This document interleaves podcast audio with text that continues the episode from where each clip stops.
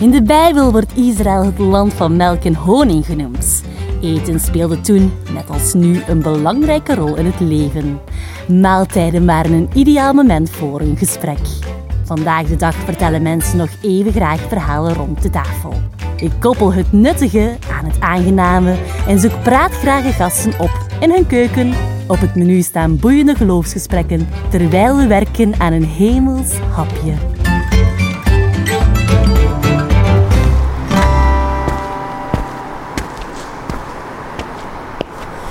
Zo, ik ben hier in Schaarweek aangekomen en ik ben uitgenodigd door Rianne Botes, die hier woont en werkt.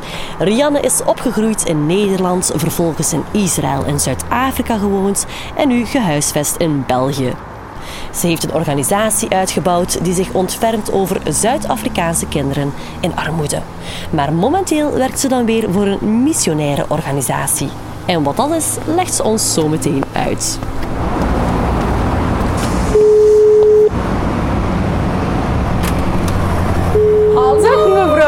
Botes. Fijn jou te zien. Ja, hetzelfde. Ik zal even dit eh, ding... Als er daar iemand aanbelt, dan gaan er overal belletjes af. Ja, dan gaat hier een bel af, dan gaat daar een bel af, dan gaat daar boven. Op elke verdieping zit zo'n ding, zeg maar. Dus jij thee of koffie of... Thee graag. Ja? Ja. Ja, gezellig Rian om hier eh, met jou aan tafel te zitten. Ja, leuk om jou ook weer te zien. eh. Ja, ja. ja. Misschien voor de luisteraars die niet goed kunnen volgen.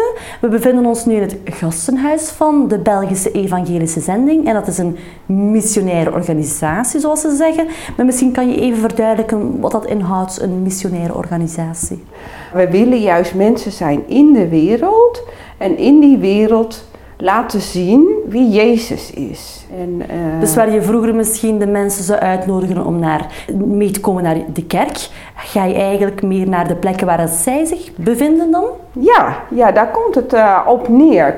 Helaas heeft de kerk voor heel veel mensen ook een hele negatieve bijklank gekregen. En dat is ook vanuit begrijpelijke redenen wel eh, op een aantal fronten. Maar toch, eh, je vindt het wel jammer, want de kerk is één ding, maar Jezus kennen is een ander ding. En jij bent de secretaresse, als ik het zo mag zeggen, Ja. van deze organisatie. Ongeveer. die de organisatie administratief staande moet Ja. houden. Sinds kort ook de communicatiedame. Mooi. Ja, En, en krijg je dan soms vreemde reacties van anderen als je vertelt over wat je job is? Van ja, ik werk voor een christelijke organisatie. Wij proberen het verhaal van Jan Jezus te brengen bij mensen. Ik kan me best voorstellen dat dat in deze tijd soms bizar overkomt. Sommigen wel, ja.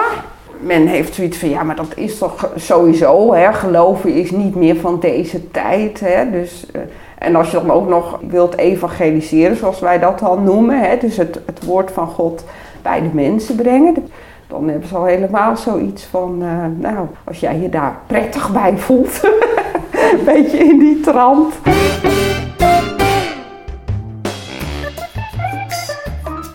We gaan ook vandaag bakken. Zullen we even een kijkje nemen? We gaan een kijkje nemen, ja. Ik heb de spullen al klaargelegd. Hoef niet meer te wegen en eh, af te meten. Ideaal. Je bent goed voorbereid. Ja. Eh, misschien kan je even vertellen wat we vandaag gaan bereiden. Ja, wij gaan eh, Joodse honingcake met walnoten maken. Hmm, en waarom heb je gekozen voor dit dessert? Eh, nou, ik heb drie jaar in Israël gewoond. En ik heb, ben daar au pair geweest bij een Joodse familie. En ik ben gewoon heel veel eh, Joodse recepten gaan maken. En als ik me niet vergis, is honingcake ook een klassieker in de Joodse keuken. Hè? Toen zij in het verre, verre verleden werden bevrijd uit Egypte en naar eh, Israël toe gingen, dat eh, Israël bekend stond als het land van melk en honing. Aha. En nog steeds hebben de, de Joden elk jaar met het Joodse nieuwjaar dat zij een appel dopen in de honing en dan elkaar een zoet nieuwjaar toewensen. Als jij nou even voor mij het recept voorleest, dan eh, weet ik precies wat ik nu allemaal bij elkaar Oké, hier staat bereidingswijze. Mix de thee met de suiker en de eieren tot ze schuimig zijn. Ja. En tussen haakjes circa 10 minuten kloppen.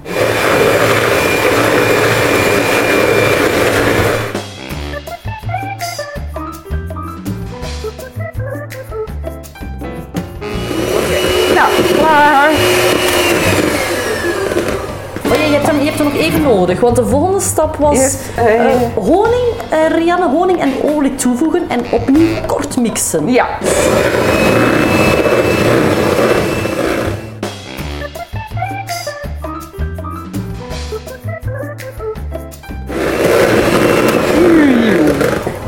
Zo, dat is kort. Dan moet het zelfrijzend bakmeel en de noten er worden doorgespateld. Gespateld, ja. Anders mix je de lucht eruit. Ben jij degene die eh, thuis ook altijd achter de kookpot of achter het fornuis staat? Meestal wel, ja. En Meestal wel. Maar dat, ja, nou om meer dan één reden. Mijn man is namelijk gek op hamburgers. Dus als hij elke dag zou koken, dan zouden wij erg veel hamburgers gaan eten. Dat is niet zo goed Ik ben wat meer lijn, van de variatie, ja. Snap ik, snap ik. Ik eh, ga hem in de vorm gieten. Ja, ja, ja. Ehm dus doe, het, doe het beslag in de vorm en zet in de oven. Voilà. Ja, en dat is hem dan. Even over het gerecht zelf. Eh, je haalde het daarnet al kort aan.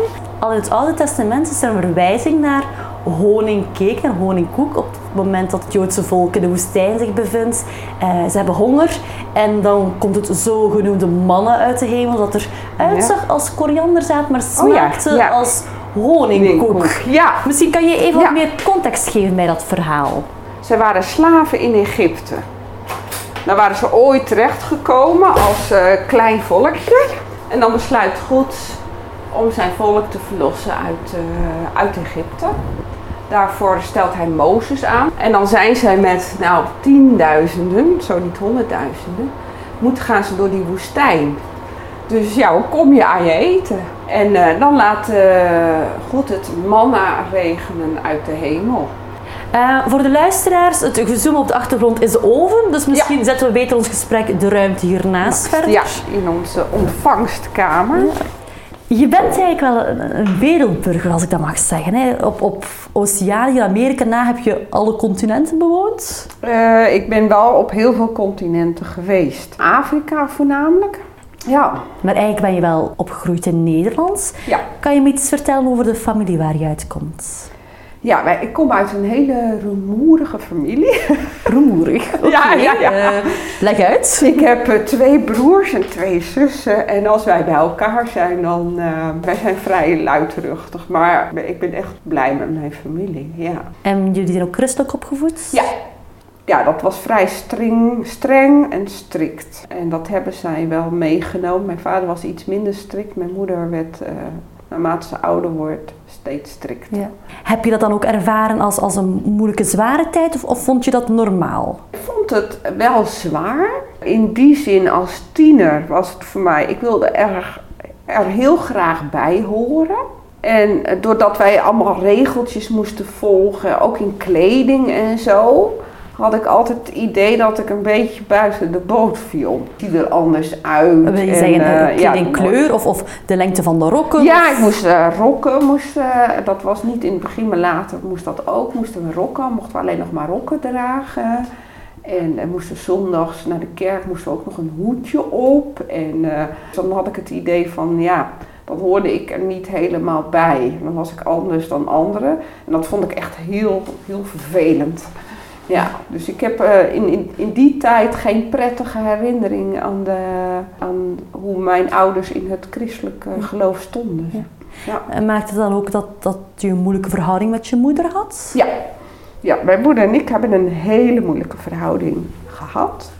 We hebben echt wel veel ruzie gehad ook. Ik mag gelukkig zeggen dat dat na jaren helemaal goed is gekomen. En dat ons laatste jaar samen, dat dat echt zo vol liefde is geweest. Wil je dan zeggen dat je eh, ja, die dingen van vroeger haar dan hebt kwijtgescholden om, om terug op een normale manier met haar om te gaan? Nou, ik wil daar heel graag inderdaad iets over zeggen. Voor mij is eh, vergeving iets zo essentieels. Vergeving is niet iets wat je anderen kan opleggen. Als jij dagelijks het idee hebt dat je dagelijks de gevolgen ondervindt van wat jou is aangedaan, en misschien is dat ook feitelijk zo, ja, dan voelt vergeven bijna als iets van alsof het er niet meer toe doet wat jou is aangedaan. Maar als je het kan, vergeving bevrijdt. En mijn moeder vroeg niet eens om vergeving. Maar het resultaat in mijn geval was wel dat daardoor een weg vrij kwam van liefde. Waarop we elkaar weer lief konden hebben. Even terug naar, naar je kindertijd. Je was een kind dat dus moeite had met de regels die wij naar de kerk gaan met die lange rokken, allerhande Ja. woorden, geen gemakkelijke relatie met je mama. Maar wat voor een kind was je verder? Ik was, eh, je zult het niet geloven, maar ik was een heel stil kind. Heel stil teruggetrokken kind. Ja, ik ging eh, als, eh, tussen de middag aten we altijd thuis. En dan ging ik, als dan, voordat ik weer naar school ging, ging ik even naar mijn slaapkamer, ging blokfluit spelen. Of, eh, ik was een kind met heel veel fantasie, dus ik droomde van alles bij elkaar. En, ik heb één keer letterlijk gedroomd dat in mijn kast, in mijn kledingkast, zat achterin een deur. En daar ging ik doorheen en dan was er een trap naar boven en toen kwam ik bij Napoleon uit. En ik vond het zo'n prachtig idee dat er achter in mijn kast een deur zat waar dan een hele andere wereld weer achter zat. Dat ik daar weken over doorgefantaseerd heb. Een kind met een heel levendige fantasie. Ja, ja, ja, ja, absoluut. Ja. fijn ook, hè? Ja. ja, er zit ook een gevaar in, maar eh, ik heb er ook van Ja, genoten. ja, ja. ja. Een deurtje naar Napoleon, wie wil dat niet? Ja, nou ja, nu zou ik er niet zoveel behoefte meer aan hebben. Maar, Nee, nee, nee. Kan je je nog herinneren wanneer je voor het eerst echt bewust in aanraking kwam eh, met wie God is? Wij gingen toen vanuit, ik weet niet of ik daar individueel heen ging of met, met een vereniging waar ik lid van was. Dat was ook zo'n verplicht nummer. We moesten lid worden van een jeugdvereniging van de kerk. Omdat alles verzuild was? Ja, nou nou ja, dat, daar hoorde je gewoon naartoe te gaan. En eh, toen zijn wij naar een jeugddag geweest. En daar was een getuigenis van een jongen. En die was tot geloof gekomen. En die zei op een gegeven moment, God houdt van jou. En dat is zo apart. Je kan dingen honderd keer horen. En je hoort het honderd eerste keer en het komt binnen. Wat je eh, tevoren niet had ervaren dat hij van jou houdt? Of je stond er niet bij stil? Of... Nee, nou, God was eh, voor mij ook heel erg gerelateerd aan mijn ouders. Hè. Zij vertegenwoordigden God. Ja. En zij waren streng. Mijn moeder was ook redelijk grillig. En, eh, Je had er geen positieve associaties Die kon het natuurlijk nooit goed doen. Dus dat, dat was voor mij God. Ik kan het nooit goed doen. Hij pakt me op momenten dat ik er niet op bedacht ben. Dus hij was voor mij ja, een beetje eng. Ik vond hem een beetje eng. En, ehm, en hij was niet uit op mijn behoud. Maar hij was eerder uit om mij het leven een beetje zuur te maken, zeg maar. Mhm. Dus eh, ja, dan is zo'n boodschap God houdt van jou wel een hele andere ineens. Even terug naar het Bijbelverhaal eh, dat bij ons gerecht hoort. Ja? De Joden zitten in de woestijn. eh, ze zijn onderweg naar het latere Israël. En voor jou is Israël woonde niet zomaar een land met een bijbelslink, want je haalde het al aan het begin van je gesprek. Ja. Je hebt er ook effectief gewoond. Ja, ja, ja, Vertel eens. eh, Ja, ik was au pair. Nou, ik zal je vertellen, ik stond op punt om naar Afrika te gaan als au pair, maar dat ging toen niet door op het laatste moment. En toen kwam mijn zusje met van, oh, ze zoeken in Israël ook eh au pairs. Ja, want welke leeftijd had je toen? Ik was 24, denk ik. 24, Een jonge vrouw. 25. Ja, dat was best spannend.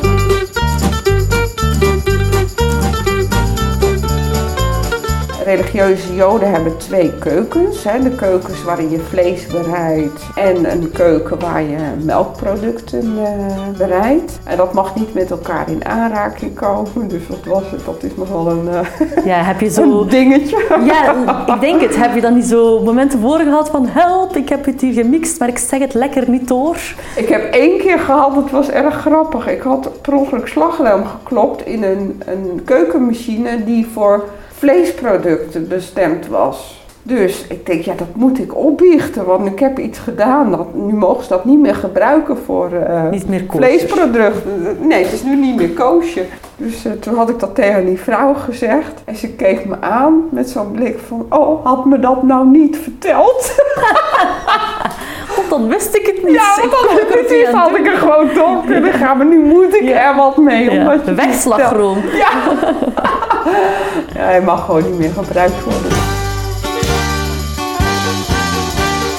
En- hoe was dat verder om als jonge vrouw het bekende leven achter te laten voor een heel vreemde cultuur in Israël? Ik heb het heerlijk gehad daar. Ik heb echt eh, ook een liefde voor het Joodse volk daar gekregen. Ze zijn heel eigenwijs en eh, heel trots. Maar ja, daardoor heb ik ook heel veel respect voor hun gekregen. Ik bedoel, ze hebben door de eeuwen heen zijn ze altijd vervolgd en altijd onderuit gehaald. En apart genoeg gebeurt dat nu weer. En... Ja, die, die, die hele strijd, dat hele gebeuren rond Israël-Palestina, dat gaat je dan aan het hart, veronderstel ik. Ja, ja, ik heb dat natuurlijk van dichtbij meegemaakt. Ik, ik begrijp nu niet, eerlijk gezegd, niet zo goed waarom de wereld zich daar nu zo tegen Israël keert. Israël heeft echt jarenlang allerlei aanslagen moeten verdragen. Kijk, een oorlog, dat is een soldaat tegen soldaat, dat is een land tegen land.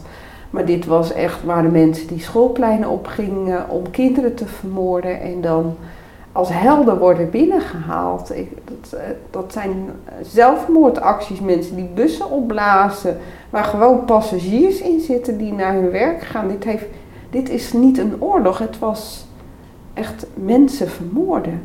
En ja, ik denk dat de mensen verontwaardigd zijn omdat er ook Israël natuurlijk represailles onderneemt ten opzichte van de Palestijnen. Nu wel, ja, maar dat, dit, vergeet niet dat dit al speelde hè, in 1988. En toen waren er geen represailles, dan werden mensen wel opgepakt. Maar uh, niet de represailles zoals we die nu kennen. Dat is eigenlijk na uh, jaren dat ze hebben gezegd van nu zijn we het zat. Maar ik denk van ja, als hier, ik weet dat in, eh, in Nederland toen in Parijs die aanslagen waren, dat men zei van zo, en nu onmiddellijk al die, die grenzen dicht. Dus ik bedoel, als bij ons iets in de achtertuin gebeurt, niet eens in huis, maar in onze achtertuin, dan willen we al dat er ingegrepen wordt. Hoe was het met het, het geweld toen als jij daar zelf woonde? Ja, dat, was, dat waren aanslagen, maar dat waren vaak individuele acties. Heb je dat ook met je eigen ogen uh, een van die aanslagen meegemaakt? Ik ben er nooit bij geweest. Het gebeurde altijd een paar straten verderop of in de stad. En mensen niet, die, niet, niet die kennen die slachtoffer zijn geworden? Ja. Nou, iedereen had op een gegeven moment wel een familielid of vriend of vriendin die was omgekomen. Ja, en ik heb in de, in de Golfoorlog zat ik er ook, dus dan dat heb ik dan wel dicht, van dichtbij meegemaakt. Ja, wil je daar iets meer over kwijt? Ja, ik was, was toen geen au pair meer. Ik werkte in een kwekerij van tuinplanten. En toen, uh, nou ja, toen kwam Saddam Hussein van Irak. Die uh, verklaarde Israël de oorlog, dus die begon te schieten.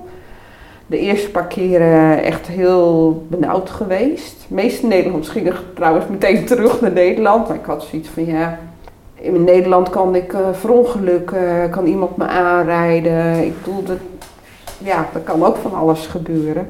Maar de eerste paar keren, ja, we waren heel bang voor uh, gasbommen.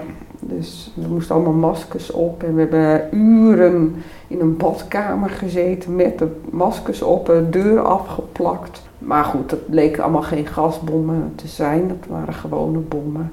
En de laatste bommen, die heb ik nog zien gaan zelfs moet toch heel beangstigend geweest zijn voor jou, zeker als jonge vrouw. Nou, dat is het dubbele van zo'n oorlog of, van zoiets. Uh, als de dreiging van buitenaf komt, dan wordt de band onderling heel hecht. Want je deelt hetzelfde probleem. Je hebt een gezamenlijke vijand. Je deelt een gevaar wat op je afkomt. Dus de, de banden met mensen om je heen was, was heel hecht. Ja, Dus, uh, ja. En dat voel je nu als vrouw, nu in Nederland of in België zijnde, je hoort die verhalen over Israël, en dan voel je die band van nee, dat, is, dat zijn de mensen waar ik mee, mee identificeer, die op die, op die manier worden afgeschilderd. Ja, ja ik heb altijd de, de neiging om het heel erg voor hen op te nemen, omdat ik denk van ja, ik vind de wereld gewoon niet ver daarin.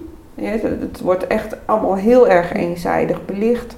En dat vind ik gewoon niet eerlijk. Ja, dan denk ik van ja. als je de waarheid wil, geef dan de volledige waarheid en niet een gedeeltelijke waarheid. In het Bijbelverhaal zijn de Joden in de woestijn boos op God. Um, ben je zelf ook soms boos op God? Ja, ik kan echt uh, boos op God zijn en soms hem ook totaal niet snappen. En, en daar moeite mee hebben ja, als, als, als dingen echt heel moeilijk gaan en dan denk ik van ja, waarom, waarom grijpt u dan nu niet in? Waarom laat u het maar, voor mijn gevoel maar een beetje, laat u het erbij zitten? En ben je dan zo boos dat het soms echt tot een, een tijdelijke breuk kan leiden? Ik, dat is in het verleden, uiteindelijk is dat geweest. Ik ben acht jaar echt van het geloof af geweest. Of nou, niet dat ik niet geloof dat God bestond, dat ben ik wel blijven geloven. Volgens mij moeten wij naar de keuken. Ja, ik hoor de wekker. Ja, we gaan even een blikje werpen.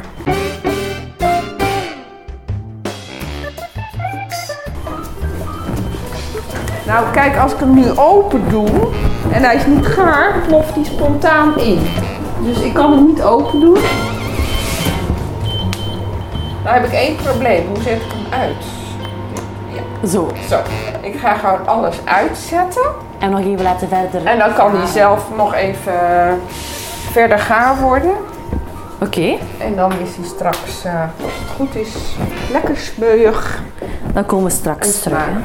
Je was aan het vertellen over uh, dat je in het verleden echt een breuk hebt gehad met ja, uh, ja, je geloof toen, uh, Ik was 40 en ik heb altijd mijn leven lang heb ik heel erg verlangd naar kinderen. Een gezin met kinderen. En toen werd ik 40 en ik heb ook altijd gezegd, na mijn 40 wil ik geen kinderen meer baren omdat uh, dan zadel je je kinderen op met een oma. Heel plat door de bocht gezegd, uh, ja. Nou ja, en toen werd ik 40 en ik had geen man en ik had geen kinderen. En toen leerde ik nog wel een man kennen, maar dat liep helemaal uh, verkeerd af. Dus toen was ik dus heel boos. Want toen dacht ik van ja, blijkbaar is het gezinsleven dan dus niet voor mij weggelegd. Waarom moet ik dan nog wel überhaupt die man leren kennen? Had die dan ook maar uit mijn leven gelaten?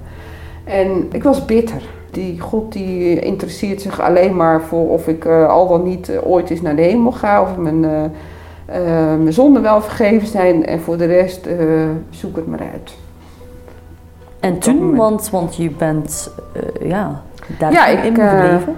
Nee, dat is uiteindelijk... Ik, toen ben ik naar uh, Taizé gegaan. Dat is een kloostergemeenschap, in, uh, een broedergemeenschap in Frankrijk. Was er toen al acht jaar over gegaan? Ja, daar was toen acht jaar overheen gegaan. Ja. Ik kan niet zeggen dat ik, heel, dat ik het beest uit ben gaan hangen of dat weet ik veel wat allemaal heb gedaan. Nee, dat was voor mij niet interessant. Ik was gewoon echt boos op God. Ik was verbitterd. Omdat ik iets heel sterk verlangde en ik kreeg het niet. Ik had het niet gekregen. En uh, dus, maar goed, na die acht jaar dus in dat kerkje zei van, nou, God, ik, ik, ik geef me aan u over, maar geef me de tijd. Want ik kan niet zomaar over mijn bitterheid heen stappen. Ik kan het niet nu zomaar achter mij laten. En waarom had je hem dan, uh, of liet je hem dan terug toe in je leven? Waarom was dat dan nodig? Omdat je, ik, ik, ik weet niet of mensen dat herkennen, maar je kan zo'n zo'n onbestemd verlangen hebben. Een verlangen wat niet, uh, uh, niet naar iets of naar iemand, en, en toch voelt het als een verlangen. Pascal die heeft ooit eens gezegd, uh, Pascal, dat is een wetenschapper, ieder mens heeft een godvormig gat in zijn hart zitten. het, alleen God past daarin. En als God daar niet is, dan is er toch altijd, blijft er iets in dat hart wat verlangt naar een vulling voor dat gat. En ik denk dat dat hetgene was, ik had toch een soort verlangen naar God. ook al was ik verbitterd en ook al. En het was voor mij echt niet zo van, nou, het is nu allemaal koek en ei. Dat was, dat was het helemaal niet. Maar ik had toch, er was ergens iets een verlangen te, naar God. Als vijftiger ben je naar Zuid-Afrika getrokken. Ja. Hoe kwam je daar terecht? Ja, dat is ook een hele leuke. Ik werd, uh, ik werd 50 en uh, ja, je hebt allemaal van die toestanden rond 50 worden. Nou, ik had daar helemaal geen zin in. En toen dacht ik, oh, als ik nou eens een paar maanden vrijwilligerswerk ga doen. Want dat... En ik had ook wel altijd nog een beetje het gevoel van ik wil nog wel weer terug naar het buitenland. Want ik vind leven in het Westen is, is heel prettig, heel luxe. Maar soms lijkt het ook alsof het leven gewoon aan je voorbij vliegt. ons leven is zo georganiseerd en zo vol dat ik denk van ik heb niet eens tijd om het leven te leven.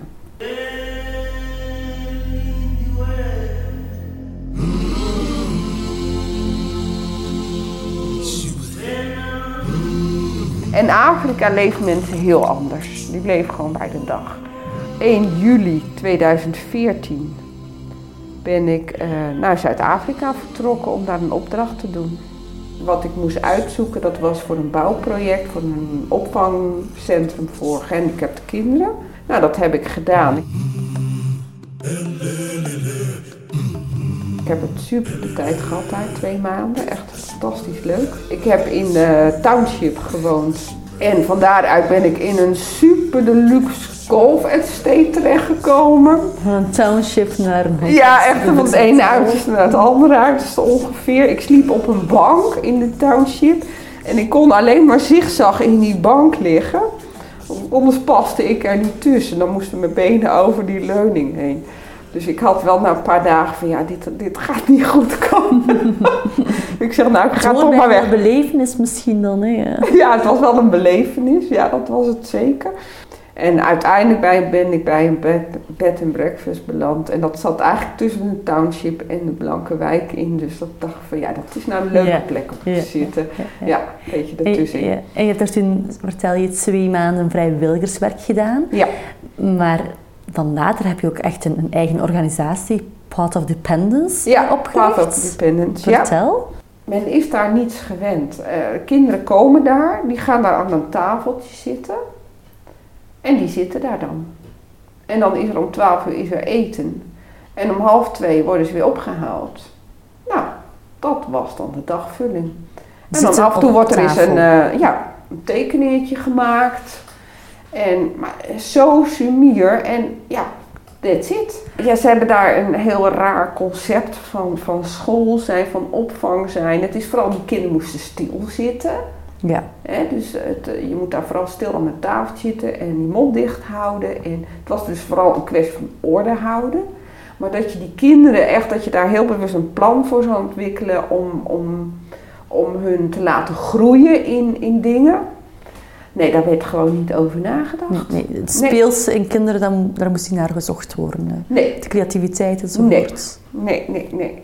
Dus, maar goed, ik heb het path of dependence genoemd, omdat ja, ik zou in volledige afhankelijkheid gaan leven. Want ik had mijn baan opgezegd, ik had niks meer, ik had geen inkomen meer. Dus ja, dan word je redelijk afhankelijk. Dus het was voor mij echt een pad van afhankelijkheid.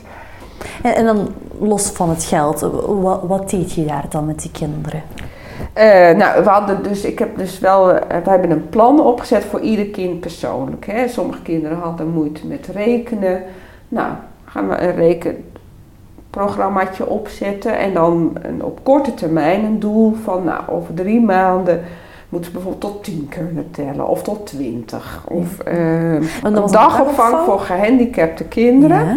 Waar ze dan sec genomen ook proberen om kinderen nog wat bij Ook wat te brengen. onderwijs. Ja, ik ben op een gegeven moment met een jongen ben ik een, eh, zijn we een groentetuintje begonnen. En dus dan kwam hij iedere dag en moest hij al die, eh, die plantjes water geven, eerst die zaadjes. En dan zag je al die bloemen omhoog komen, zonnebloemen, later watermeloenen.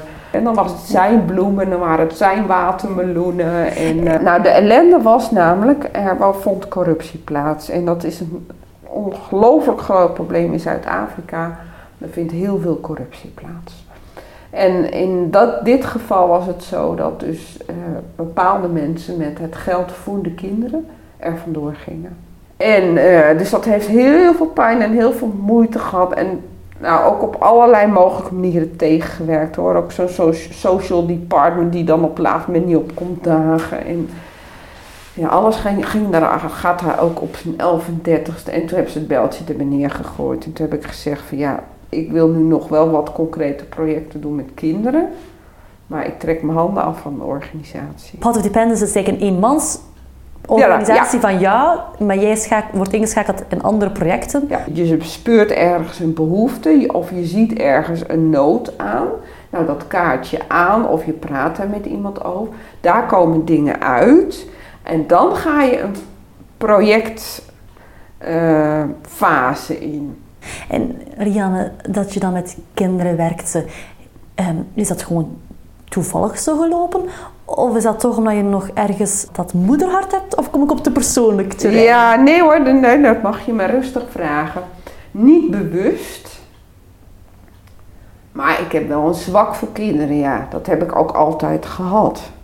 Ja, en of daar... mee toch een soort kinderwens gecompenseerd is. Want dat, zo zou het dan bijna zijn. Nee, dat is niet in mijn bewustzijn zo. Misschien dat het onbewust wel zo werkt. Maar ik heb niet bewust van, oké, ik heb nu zelf geen kinderen, laat ik dan eh, gewoon veel met kinderen gaan werken of zo. Nee. Je hebt daar een organisatie uitgebouwd. Niet alleen dat, maar je hebt daar ook je man leren kennen. Ja, Ja? Ja? ja daarvoor ging ik eigenlijk niet, maar ik kwam hem wel tegen.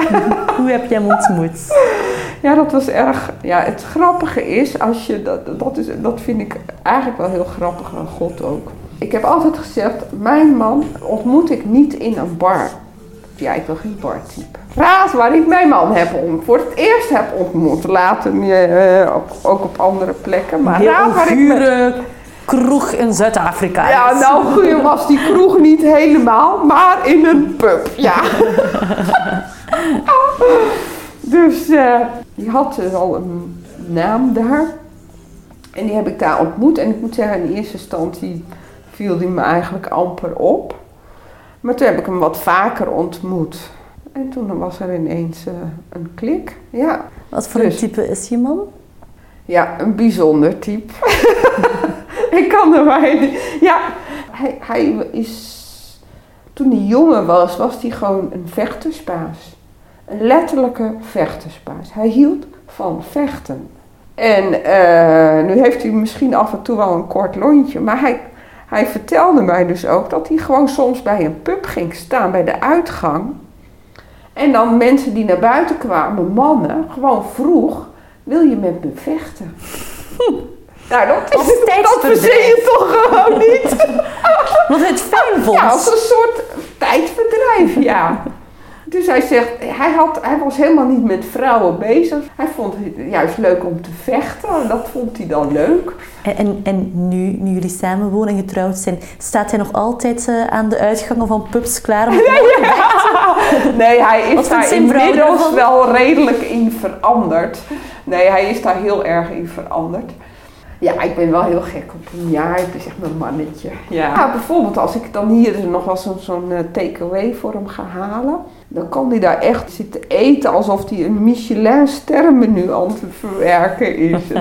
Dat vind ik zo mooi om naar te kijken. Oké. Ja, geweldig. Ja. We zijn over eten weer bezig, dus misschien moeten wij nu ook eens naar ons Ja, eten, of eh, de cake is ingeploefd of niet.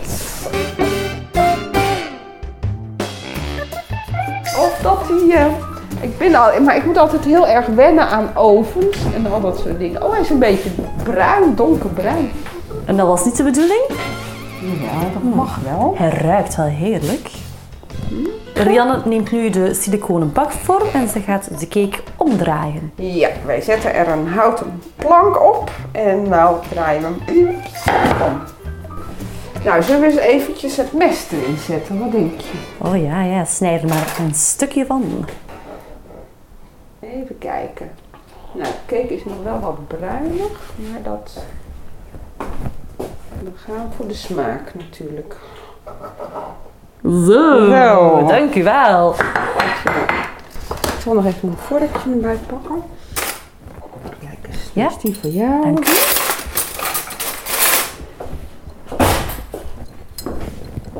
Lekker korstsalsens. Ja, en hij luchtig, maar niet te droog. Dus ja, ja. Ja, klopt. Ik ben blij dat ik jou mocht assisteren, dat ik niet de leiding moest nemen. Cake maken, het ziet er zo gemakkelijk uit. Het is het niet, hè? Nou, als au pair heb ik heel veel cake gegeten. Hoort dat bij de jobomschrijving? Nou, ja. Nou, de eh, Joden hechten heel veel waarde aan ehm Shabbat. Maar ook aan veel eten, met familie, vrienden uitnodigen en zo. hè. Dat is ook een gezelligheidsfeestdag. Wat is Shabbat weer? Eh, De Shabbat is ehm, de zevende dag van de week voor de Joden. Voor ons is dat de zaterdag. Ah, de Sabbat, ja. ja. Shabbat, Sabbat, ja. Ik weet niet of we kunnen pretenderen mannen te hebben gemaakt. Het ziet er ook helemaal niet wit uit als korianderzaad. Maar het smaakt wel echt heerlijk. Zoet. Ja, lekker zoet. Eet gerust verder. Mhm. Eh, ik ga al intussen nog een paar vragen stellen. Ja, we hebben het gehad over Israël, over Zuid-Afrika. Maar nu, nieuw hoofdstuk in je leven, je woont in België. Ja, dat komt ook door mijn mam. En toen zijn we naar Nederland gekomen, eigenlijk eerst voor een bezoek. En toen waren we in Nederland, toen dachten we, hey, we willen eigenlijk wel wat langer blijven. Nou, dat eh, ging niet door. Dat mocht niet. Dus wij stonden eigenlijk op het punt om weer terug te gaan naar Zuid-Afrika. En toen kwam een vriendin van mij met een... eh, ze zei, nou, bij de Belgische Evangelische Zending in Brussel zoeken ze nog een secretaresse. En hier mag mijn man wel zijn. Dus toen zijn wij hierheen gegaan voor een gesprek. En eh, twee weken later hebben we de boel gepakt en alles. En zijn we hier gaan wonen. En En waarom niet meer in Zuid-Afrika blijven? Voorlopig niet. We gaan, eh ja, we willen uiteindelijk, maar dat kan nog echt jaren duren, willen we wel weer terug naar Zuid-Afrika. Zie jij al die gebeurtenissen die jij in jouw leven meemaakt als dit zijn bewuste keuzes van mij of dit is door omstandigheden zo gelopen? Of zie je daar ook ehm, Gods hand in, als ik dat zo kan zeggen? Ja. Als ik het zou moeten uitleggen hoe ik mijn leven zie, dan, dan eh, denk ik heel erg aan Lord of the Rings, die film. Waaraan je aan de ene kant ziet dat mensen beslissingen nemen, overleggen met elkaar, dus en verantwoordelijkheid dragen. En je aan de andere kant ook het gevoel hebt van, maar er is iets van buitenaf wat het stuurt. Dus het, het gaat samen. Je hebt je eigen verantwoordelijkheid en toch zie je ook in die film van ja, de dingen lijken ook een beetje geleid te worden. Dus zo zie ik mijn eigen leven ook. Tuurlijk, ik moet over dingen nadenken. God heeft mij een verstand gegeven. En, en tegelijkertijd leidt hij ook mijn leven. Dat een, vind ik een hele aparte wisselwerking. Want je doet dingen en achteraf, als je terugkijkt op een aantal dingen, dan denk je van nou, doordat dat zo is gelopen, is het ook dat en dat gebeurd. En zo. Dus het, heeft gevolg gehad, dat- terwijl op zo'n moment zie je dat helemaal niet. En dan, eh, als je dan een paar jaar later terugkijkt, dan denk je van ja, maar het is wel heel nuttig geweest. Dat is voor mij dan ook echt Gods hand. En dat is ook eh, waar je kracht uit kan putten op het moment dat het even niet lekker loopt of dingen echt tegenzit. En dan, ik ben dan ook wel weer iemand die dan ook wel weer heel boos kan worden of teleurgesteld. Of eh, hè, ik, ben, ik ben blijf volop mens. En tegelijkertijd weet je ook dat God het mee laat werken ten goede. Oké, eh, dankjewel Rianne voor jouw gezelschap en jouw kookkunst. Ik heb genoten van beide. Ehm, en wie onze Joodse honingcake met walnoten wil klaarmaken, verwijs ik zoals altijd met plezier door naar onze Facebookpagina Trans World Radio België. Bedankt voor het luisteren.